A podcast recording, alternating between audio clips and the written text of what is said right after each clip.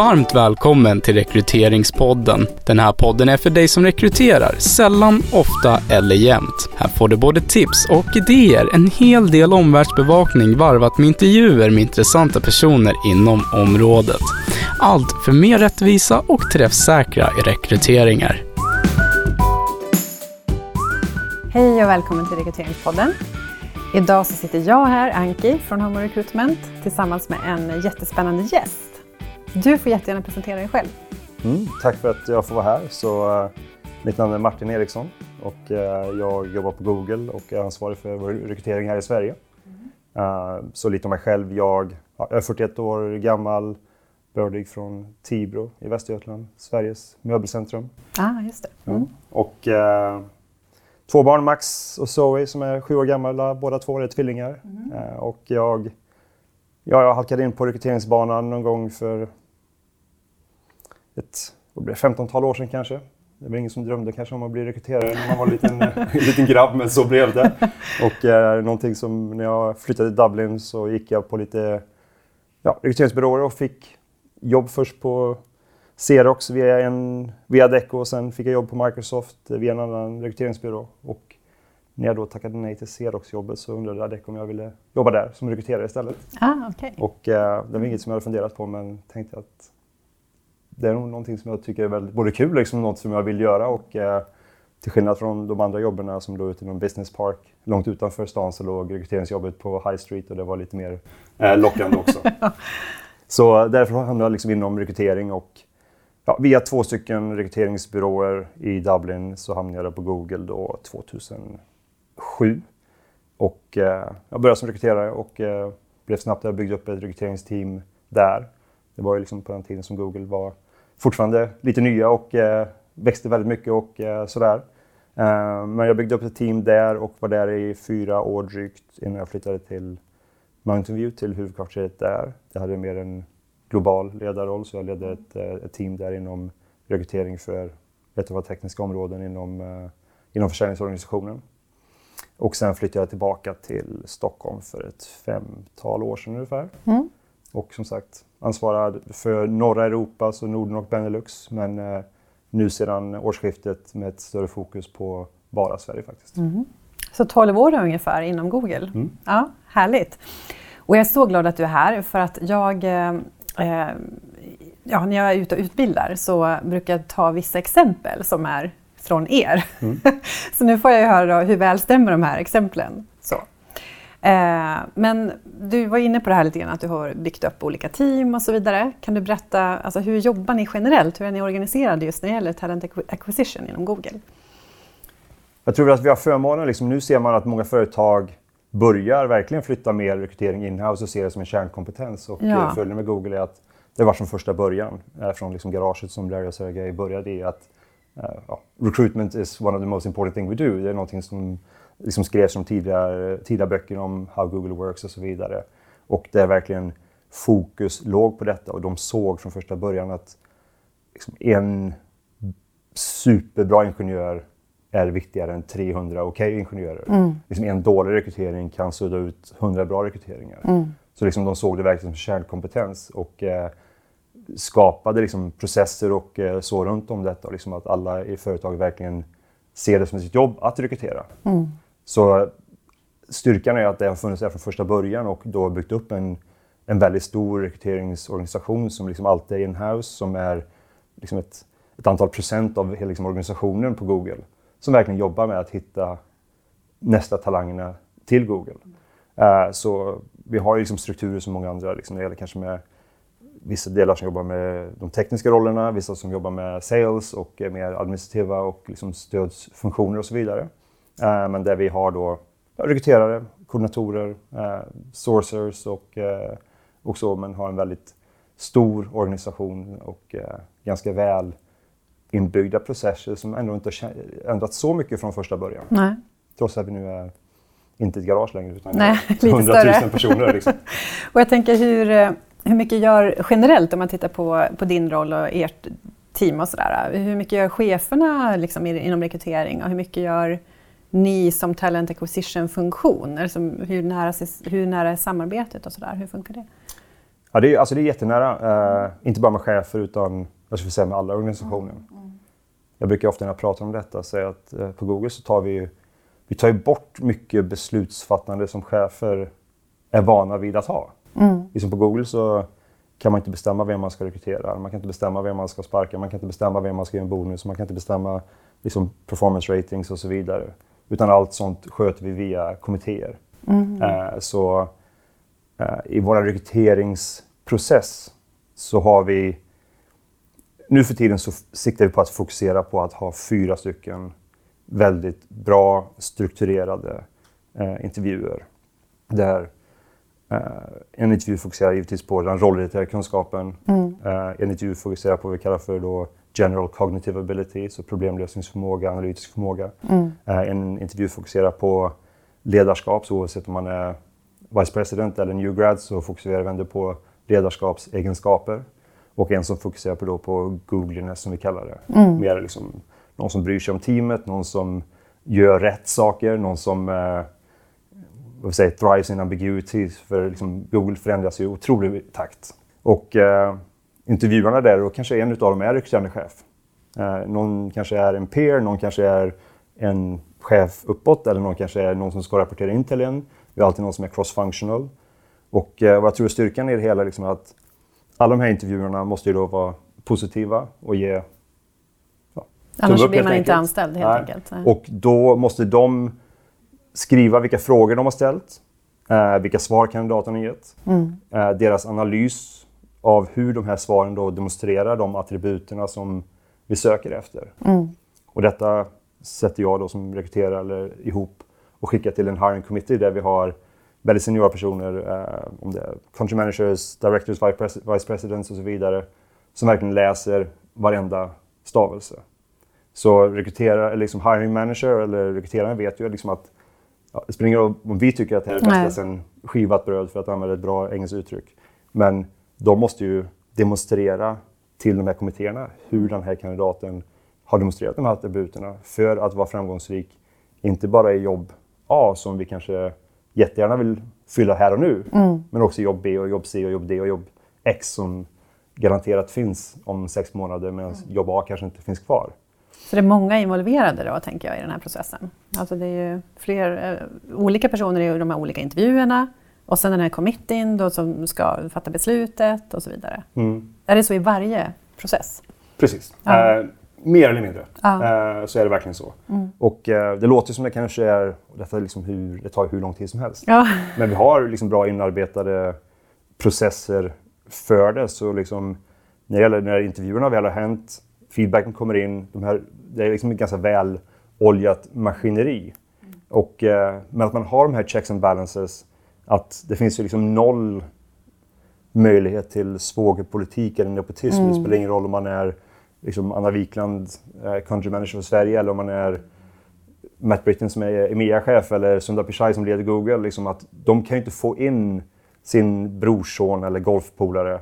Vi kan inte ge jobb på Google till dem, oavsett vilken position man har. Mm. För kandidaten måste demonstrera det här. Och oftast när de här kandidaterna som presenteras till hiring committee så är det inte kanske att kandidaten inte gjort ett bra jobb som de får pushback. Utan att intervjuarna inte gjort ett tillräckligt bra jobb. De har inte liksom probat tillräckligt djupt för att testa de här sakerna. Det är liksom kanske bara att parafrasera vad som är i CVt redan. Mm.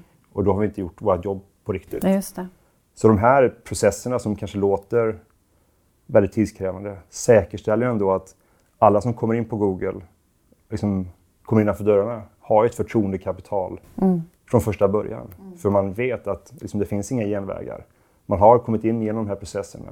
Eh, och då har man det förtroendekapitalet så att roll om man är en new grad eller liksom en seniorroll så har man, vet man att den här personen har någonting att leverera här. Ja.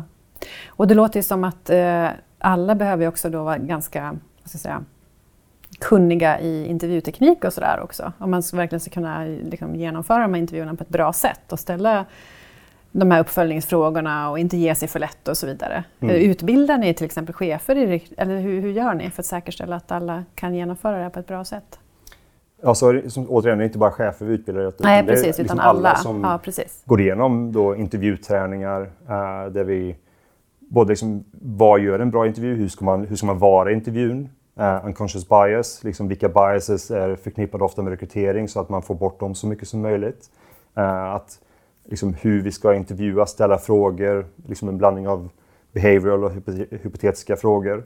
Och sen har vi även liksom verktyg som verkligen gör det lättare för intervjuarna att om man ska gå in, och intervjua på nivå X för den här rollen så kan man gå in i ett verktyg, liksom trycka in det och få fyra stycken ja, behavioral questions, fyra stycken hypotetiska frågor mm med tillhörande följdfrågor så att man inte bara skrapar på ytan utan man gräver mer på djupet. Och att man då har, när man går in så har man en idé om okej, okay, vad är ett okej okay svar, vad är ett bra svar, vad är ett jättebra svar, vad är ett fantastiskt svar? Mm. Uh, och det också främjar ju liksom att det inte blir det här liksom med bias och sånt där. Att, nej, men jag använder de här frågorna och liksom, hen svarade inte så bra som hen borde. Liksom, och det spelar ingen roll om den kommer från den här skolan eller det här företaget av den här bakgrunden. Nej, det är inte bra nog, utan då går vi vidare. Eh, och eh, liksom att man har både träningen som alla liksom har rigoröst och eh, har de här verktygen för att underlätta det, för att göra det så strukturerat som möjligt. Mm. Eh, underlätta det hela för, för dem helt enkelt. Precis. Eh, och eh, det är ju en sak med själva intervjusituationen som du berättar om nu, men jag tänker ni får ju också extremt många ansökningar varje år föreställer jag mig. Mm. Och hur gör ni då, då för att hitta rätt personer att faktiskt ta in på intervju? För den, eh, ni behöver ju göra någon form av screening där före, tänker jag, innan man kommer in i den här fyrstegsintervjuprocessen. Mm. Alltså, vi är otroligt tacksamma givetvis att vi har, vi får över tre miljoner ansökningar per år. Så det är ju mm. ett, ett, ett, ett lyxproblem eh, ja. som vi har. Eh, att vi får så många ansökningar och har så ett attraktivt varumärke. Um, vad, vad många skulle kunna tro säkert är liksom att vi använder machine learning och AI och så vidare ja. för att liksom filtrera det här. Men det är fortfarande en väldigt manuell process. Som sagt, vi har ett väldigt stort team som jobbar med det här och att det är personer som går igenom alla ansökningar. Jag tror att vi, i teorin så vill vi använda machine learning och AI och så vidare, men jag tror också att vi kommer inte göra det förrän det är bra nog. Mm. Och jag tror att om vi hade använt det nu så är det en risk att det spottar ut bara kloner av det vi redan har. Mm. Och givetvis, det är, ju varken, det är ju definitivt inte vad vi vill ha. Liksom, så att, eh, att det inte är bra nog. För vi har sett andra stora företag som har provat samma saker med just de resultaten. Att det blir sämre för eh, liksom mångfald och så vidare om man använder det. Så innan vi kommer på det på ett bra sätt så som sagt att då screenar vi alla de här ansökningarna.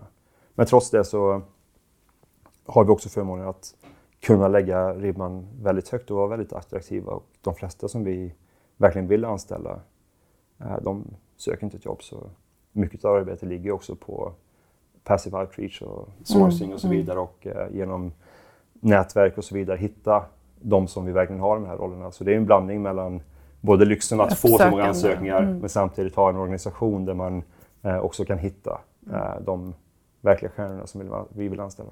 Så ni har även eh, i ert team då personer som jobbar aktivt med sourcing också till exempel? Precis. Ja. Så vi har vad vi kallar för en, en channels-organisation mm. eh, som jobbar aktivt med det och det ofta liksom är fokus på de rollerna där vi behöver mer mångfald och så vidare. Om det är Women in Engineering, Leadership och så vidare.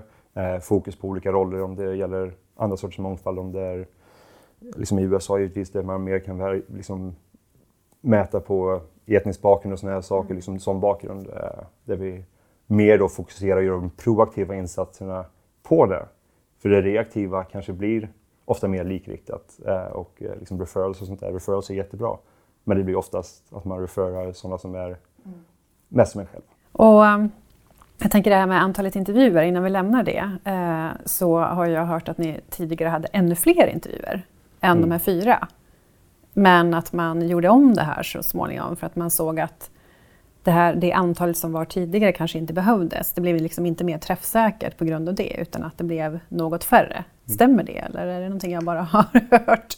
Nej, utan alltså Google är ju är ett ingenjörsföretag och ja. Eh, det är otroligt datadrivet och det går inte att göra någonting utan data och eh, liksom people operations som våra liksom, HR-organisation kallas, har ju liksom inte varit undantaget från det någon gång heller. Och det enda sättet man kan ändra saker på Google är liksom genom att ha data för det. Ja.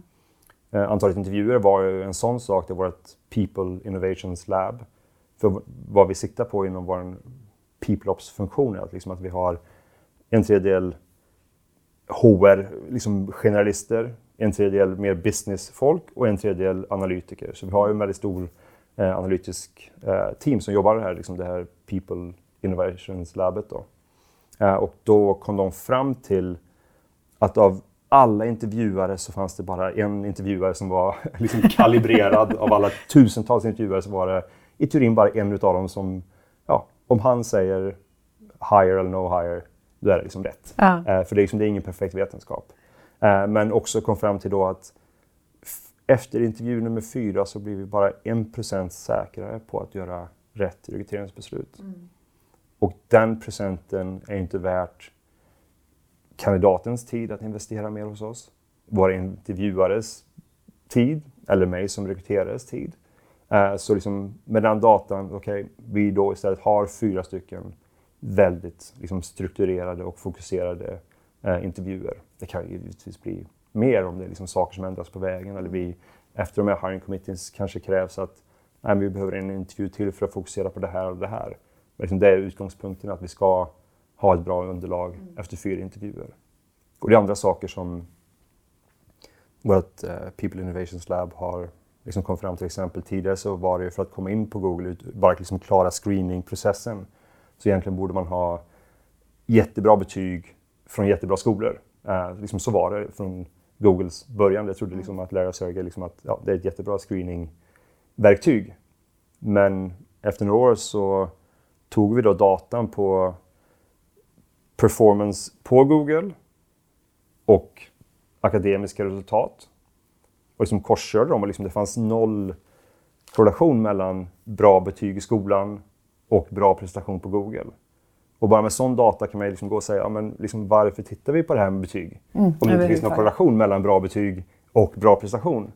Och det skiftar då till istället att ha en väldigt fokuserad, jag pratade om uh, general cognitive ability. Den intervjun är där måste man vara ännu mer kalibrerad om man ska göra en sån intervju. För liksom den tittas väldigt noga på, liksom att man mm. har de här kognitiva förmågorna, problemlösningsförmågorna eh, i sig. Mm. Men går det, i den typen av intervju, har man även någon form av liksom, test eller arbetsprov eller någon uppgift man får göra eller något sånt där? Eller är det en regelrätt intervju i det fallet också? Mm. Det, samma regelrätt intervju med sagt, väldigt strukturerade mm, frågor mm. som gräver på djupet. Mm. Liksom hypotetiskt, tänk en sån här situation. Okej, okay, vad hade du gjort om du hade haft unlimited budget, no budget? Vad hade du gjort om det varit skillnad om du varit i Norge eller Sverige och så vidare. Mycket som man gräver djupare. Vi liksom tittar ju på hur många kalorier mindre som New York-kontoret åt när de gick från att ha M&M's i genomskinliga glasburkar till frostade glasburkar. Och liksom att de åt några miljoner mindre kalorier liksom, vi mäter ju storlekar på tallrikar i våra kaféer. Eh, vi liksom använder data i precis allting och gör piloter, AB-tester liksom på liksom Teams och så vidare. Eh, så, och det ser vi mer och mer, vilket vi tycker är jättekul, att mer och mer HR-funktioner eller PeopleOps-funktioner blir mer datadrivna från kanske har varit inte alls jätte... Mycket tycka och känna mycket tycka och, och känna och mage. mm. Jättebra. Men du, jag tänker på det här med, apropå det då, så är ju någonting som jag upplever ofta när man pratar med olika organisationer, det är ju det här med värderingar och, och kultur och Google Nest och i ert fall, att många tycker att det är svårt att utvärdera i en rekryteringsprocess, samtidigt som det såklart är extremt viktigt. Mm. Eh, och där så läste jag någon LinkedIn-rapport tidigare där man eh, var väldigt tydlig med att ja, men, ska man ha det här med värderingar som ett urvalsinstrument så behöver det ju vara just det här tydligheten och strukturerade så att du verkligen kan mäta det. Det, det duger inte med att man, som ju det är ofta idag faktiskt, säger att nej men känns inte riktigt rätt. Det blir, nej passar nog inte in i vår kultur och så blir det väldigt så fluffigt och man vet inte riktigt varför. Men det är en magkänsla man får i intervjun att nej, passar nog inte vår kultur. Eh, och är det här med googliness och den intervjun hos er är det då för att utvärdera den delen? Att hur passar man in i vår kultur, våra värderingar och så vidare? Mm. Eller hur, hur jobbar ni? Alltså det är ju en del av det hela. Jag tror väl att, att ha de här dialogerna närvarande hela tiden när de delar diversity, equity and inclusion, eh, liksom från högsta ledning till liksom hela vägen ner. Jag eh, lyssnade på en av dina podcaster med Emma från Sydexo, liksom att man gör detta för man, man vet att ja, det, är liksom det är rätt sak att göra. Liksom det känns bra i magen och allting. Eh, B, det är liksom lagkrav på det. Men C, minst lika viktigt för att få med alla, är liksom att se affärsnyttan med det hela. Ja. Och eh, varför det är viktigt. Liksom att team som har mångfald eh, presterar mycket bättre. Liksom Fortune 500-företag eh, som har bättre mångfald eh, har X procent bättre resultat och sådana saker. Och få med alla på det. Och hur man då eh, driver det har, så att alla är medvetna om varför vi gör detta. Och när det gäller de här Googleness-intervjuerna som då man kanske lätt skulle kunna säga culture fit och det är även någonting där som vi pratar mycket om att inte culture fit utan culture add. Mm. Uh, jag tror att mycket av liksom, teorin visar att visst i början så är det kanske ganska viktigt att rekrytera för culture fit. När man är ett startup och man är ett garage och man kanske ska växa mm. från 2 till 10 och 10 till 50 och så vidare. Men när man kommer upp till en inte för stor storlek så måste man titta på culture add. Mm. Liksom, det handlar inte bara om vad liksom, kommer att passa in i våran kultur utan vad kan den här personen ge till våran och liksom komma med till våran kultur.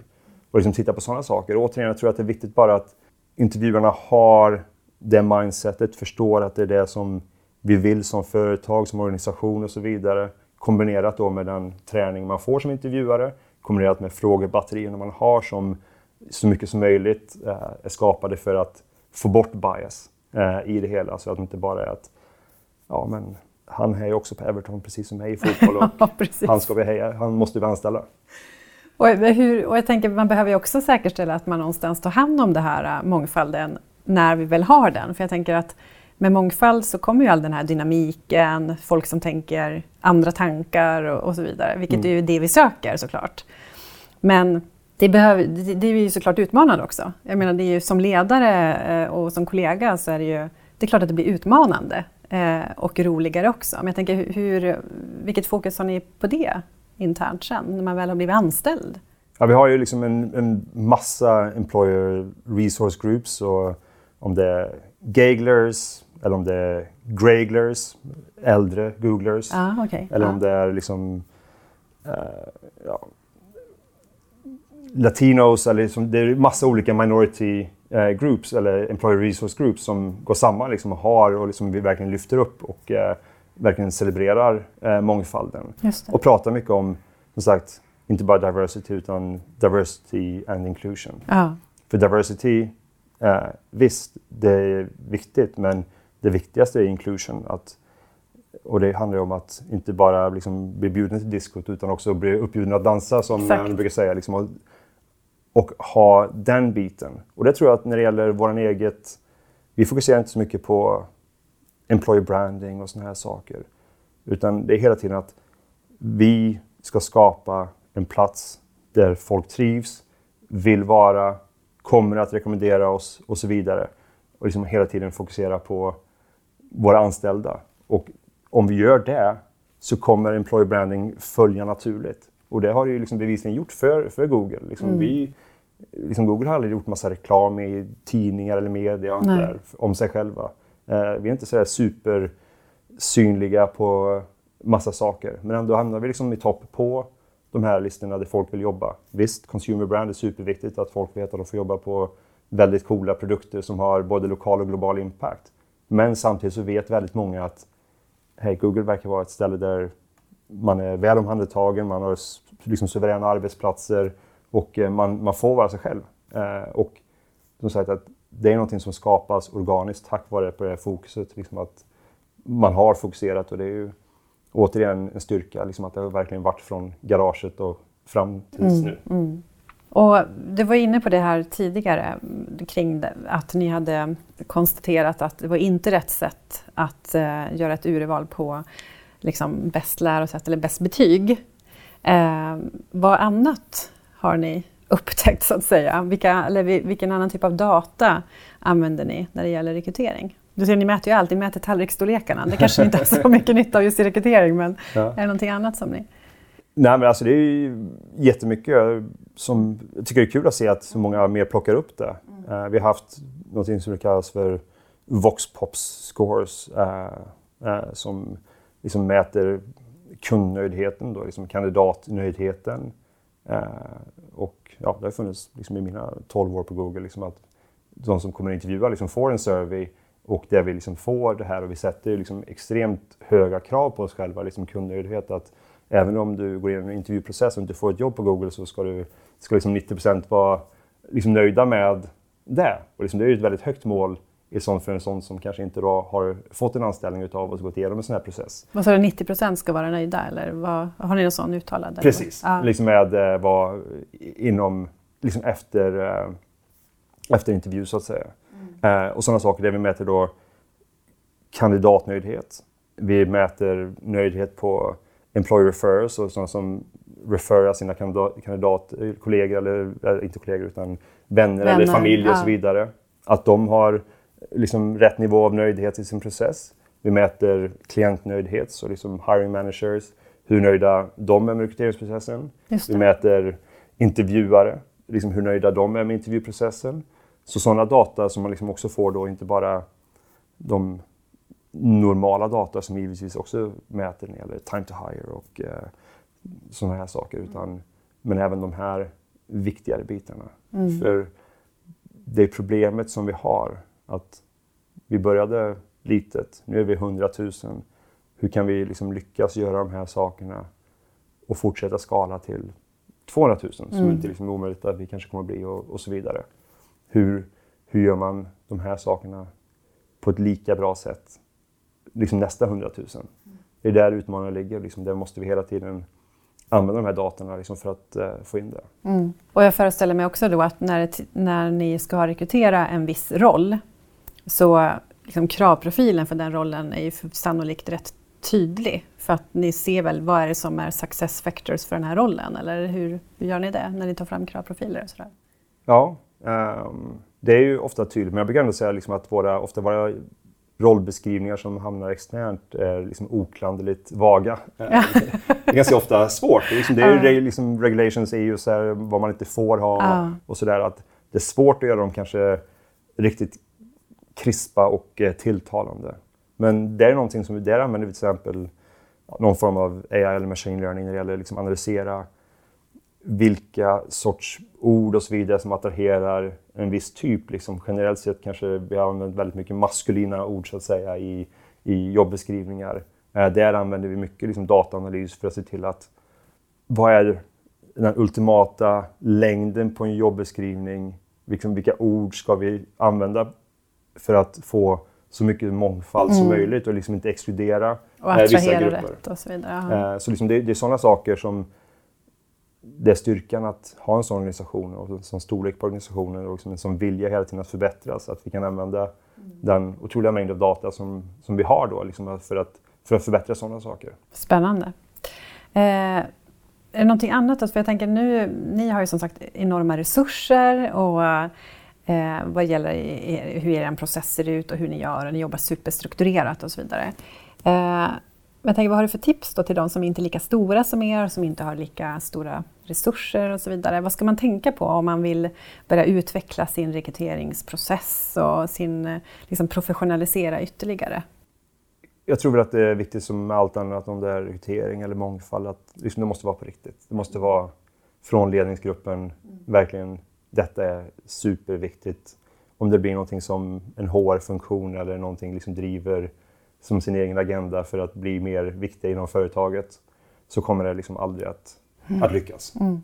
Utan det måste vara, man måste förankra det med ledningsgruppen och liksom att detta är superviktigt så att man får det på alla lager.